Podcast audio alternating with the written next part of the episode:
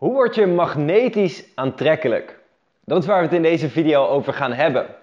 En ik weet dat het een klein beetje ironisch is dat ik deze video slash podcast nu op dit moment opneem. Uh, terwijl je waarschijnlijk aan mijn stem kan horen dat ik, uh, hè, het is mijn vierde of vijfde dag dat ik uh, corona heb. Dus mijn neus zit helemaal verstopt, mijn keel klinkt niet helemaal perfect zoals het zou moeten klinken. Uh, daarnaast is de kapper alweer een tijdje geleden dat ik voor het laatst geweest ben. Dus uh, als het gaat over een video over hoe word je magnetisch aantrekkelijk, hoe zorg je dat je een aantrekkelijk persoon bent, uh, dan is in dat opzicht de ironie, die ontgaat me niet. Maar dat gezegd hebbende geloof ik wel dat ik je in deze video een ontzettend belangrijke les kan leren. Namelijk een les waarvan ik eigenlijk eerder vandaag in één keer een belangrijk inzicht bij me omhoog kwam. Kijk, de afgelopen dagen, hè, zoals eerder gezegd, uh, maandag uh, kreeg ik een positieve test van corona. Toen dacht ik, nou prima, niks aan de hand. Ik bleef lekker doorwerken. Dinsdag hetzelfde verhaal. Ik bleef gewoon lekker doorwerken. Maar ik merkte wel dat ik iets minder energie had. Die avond had ik ook een groepscoaching sessie uh, gepland staan. En heel toevallig, iedereen van die groepscoaching sessie die zei van... Hey, goh, zouden we het niet kunnen verplaatsen? dus ik zat al met mijn ego een beetje te worstelen van... Ga ik voorstellen om het te verplaatsen of niet? Uh, maar ik dacht, nou, weet je wat, hè, integriteit is voor mij ontzettend belangrijk. Als ik een afspraak maak, dan wil ik me eraan houden. Dus ik dacht, oké, ik ga niet op het laatste moment afzeggen. Ik wil niet zo'n persoon zijn, right? Maar goed, een uur van tevoren uh, zei iedereen van, hey, kunnen we het niet verplaatsen? Ik dacht, nou, ideaal. Het is een teken van het universum. We gaan het verplaatsen. Nou, uh, woensdag hetzelfde. De ochtend, ik voelde me goed, ik voelde me lekker. Ik begon met werken, ik begon een video op te nemen. Een video die misschien inmiddels al uit is. Vervolgens schreef ik een, eh, een e-mail naar mijn mailinglijst over dat ik door corona helemaal in de flow zat. Want dat ik een soort van de verwachting had losgelaten en daardoor echt kon werken vanuit mijn intuïtie, werken vanuit wat er op dat moment opkwam en dat het helemaal lekker ging. En nou raad je het al, nadat ik die, uh, nadat ik die mail had gestuurd, zo'n beetje 10 seconden daarna, kreeg ik in één keer hoofdpijn, voelde ik me niet meer zo lekker en merkte ik eigenlijk dat die flow waar ik het over had, dat die eigenlijk begon te verdwijnen. En zo zie je maar, hè, dat op het moment dat je attached raakt, op het moment dat je begint vast te houden aan een gevoel van flow of een, juiste staat waar je in bent, dan is dat vaak het moment dat het je weer ontglipt. En ik besefte zo ook gisteren dat ik, hey, ik heb gewoon eventjes tijd voor mezelf te nemen. Dus ik ben toen veel yoga gaan doen, eh, meditaties gaan doen, ademhalingsoefeningen gaan doen. Om gewoon echt weer die present energie uh, terug te krijgen. En gewoon weer lekker in mijn vel te gaan zitten op die manier. En vandaag merkte ik eigenlijk vanmorgen, ik zat nog steeds een beetje vast, een beetje klem.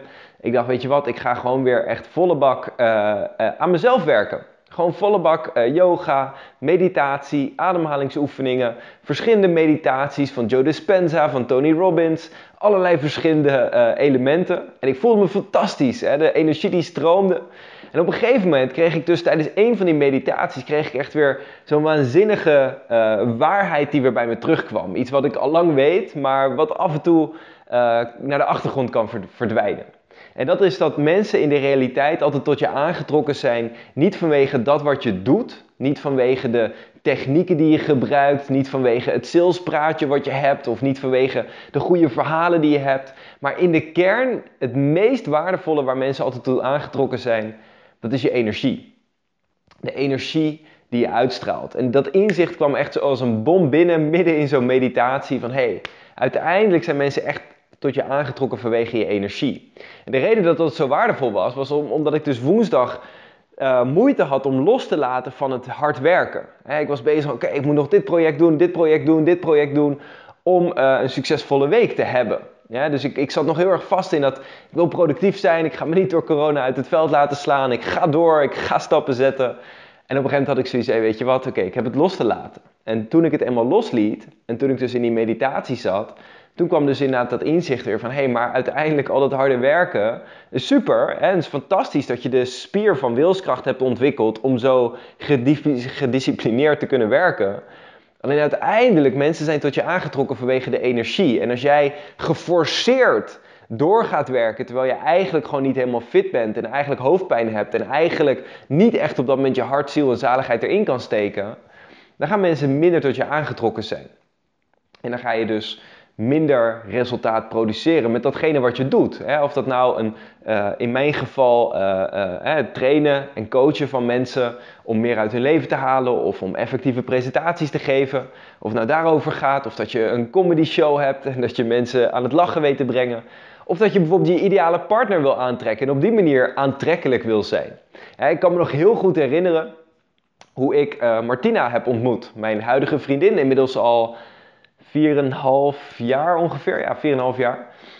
Um, en uh, hoe ik haar heb ontmoet, hè, ik was uh, rustig in Leiden, was ik aan het werken, zo'n 4,5 jaar geleden op mijn, mijn kamer wat ik toen had. Ik had toen een uh, kantoor slash kamer. Hè, dus de afstand van mijn bed naar mijn bureau was uh, ongeveer 3 meter. Dus uh, sommige dagen was ik alleen maar van mijn bed naar mijn bureau aan het lopen. En dan s s'avonds, als ik klaar was met werken, dan dook ik weer terug mijn bed in. Af en toe even een tripje naar de keuken en naar de wc tussendoor. Um, maar dat mag de pret niet drukken. Deze dag had ik halverwege de dag zoiets van: hey, ik ga even naar buiten. Het is een lekker zonnetje, lekker weer even eruit om uh, te genieten van de stad. Nou, dus ik liep naar buiten en uh, lekker te genieten van het zonnetje. En ik had echt zeg maar, een, beetje mijn werkkleren aan. En mijn werkkleren op dat moment was echt een, een oude trui.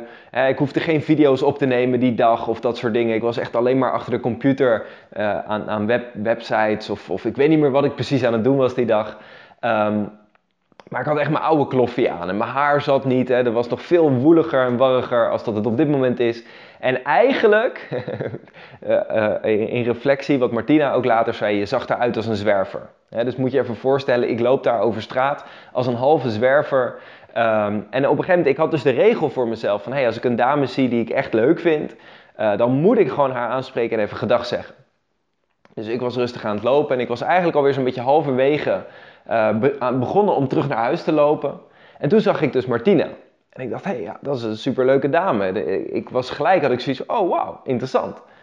Maar ze liep gelijk zo'n uh, kledingwinkel binnen. Dus ik had toen ook nog zoiets van, ja, nou, weet je wat, de kledingwinkel, ja, ik ga niet hier als een stalker blijven staan en wachten. Aan de andere kant dacht ik, ga ik die kledingwinkel nou in om achter haar aan te gaan? Dus ik zat een beetje zo in dubio, maar uiteindelijk liep ze er weer uit. Nou, dus toen sprak ik haar aan. Ik zei van, hey, uh, ik vind je een superleuke dame. Ik wilde even gedag zeggen. Nou, ze sprak Engels, hè, dus ze verstond er niks van. Dus ik herhaalde mezelf in het Engels. Uiteindelijk hadden we een superleuk gesprek. En uh, zijn we na een kwartier zijn we een wijntje gaan drinken. En uiteindelijk was dat de basis voor het elkaar later meer zien. En echt al na een paar weken uh, waren we eigenlijk al allebei stapel verliefd op elkaar. Nou, het heeft toen twee of drie maanden geduurd voordat we echt officieel een relatie ingingen. Um, maar dat was, dat was het begin, dat was de basis. En het leuke is, de reden dat ik het nu vertel, toen ik haar later ook vroeg van, goh, wat maakte je nou dat je, dat je bleef staan en dat je uiteindelijk met mij een wijntje bent gaan drinken en dat, we, hè, dat je me vaker wilde zien na dat eerste moment. En wat zij toen ook letterlijk zei, van ja, je zag eruit als een zwerver. Je had, je had echt die oude, oude groene, toevallig ook een groene trui, was een vest. Uh, had ik aan, die moest ik daarna ook weggooien van Martina. Dus die heb ik ook niet meer inmiddels. Um, en, en, haar inderdaad warrig en lang en zo. Ik was echt gewoon in die werkmodus van werken, werken, werken. En verder mijn hele persoonlijke verzorging had ik maar aan de kant gezet. Uh, ze zei maar, uh, je straalde wel een bepaalde energie uit. Ze zei, je had een bepaalde rust een bepaalde uh, zelfvertrouwen wat je uitstraalde. Je was gewoon aan het genieten. Je zat volledig in een bepaalde energie. Waarin je echt in je eigen space zat en wat heel vertrouwd voelde. En ze zei, dat was eigenlijk de reden dat ik met je bleef praten. En dat ik, eh, dat, dat ik je beter wilde leren kennen. En andersom was dat van mijn kant ook zo. Dat ik eigenlijk tot Martina was aangetrokken omdat ik vond dat zij een bepaalde energie uitstraalde. Naast dat ik er een hele mooie dame vond en nog steeds vind, uh, was het ook gewoon een bepaalde energie ik noemde haar altijd, ze noem ik er nog steeds, een beetje mijn engel, zeg maar. omdat ze voor mij een hele pure energie uitstraalt. Nou, goed, dat gaat dan over, over ons.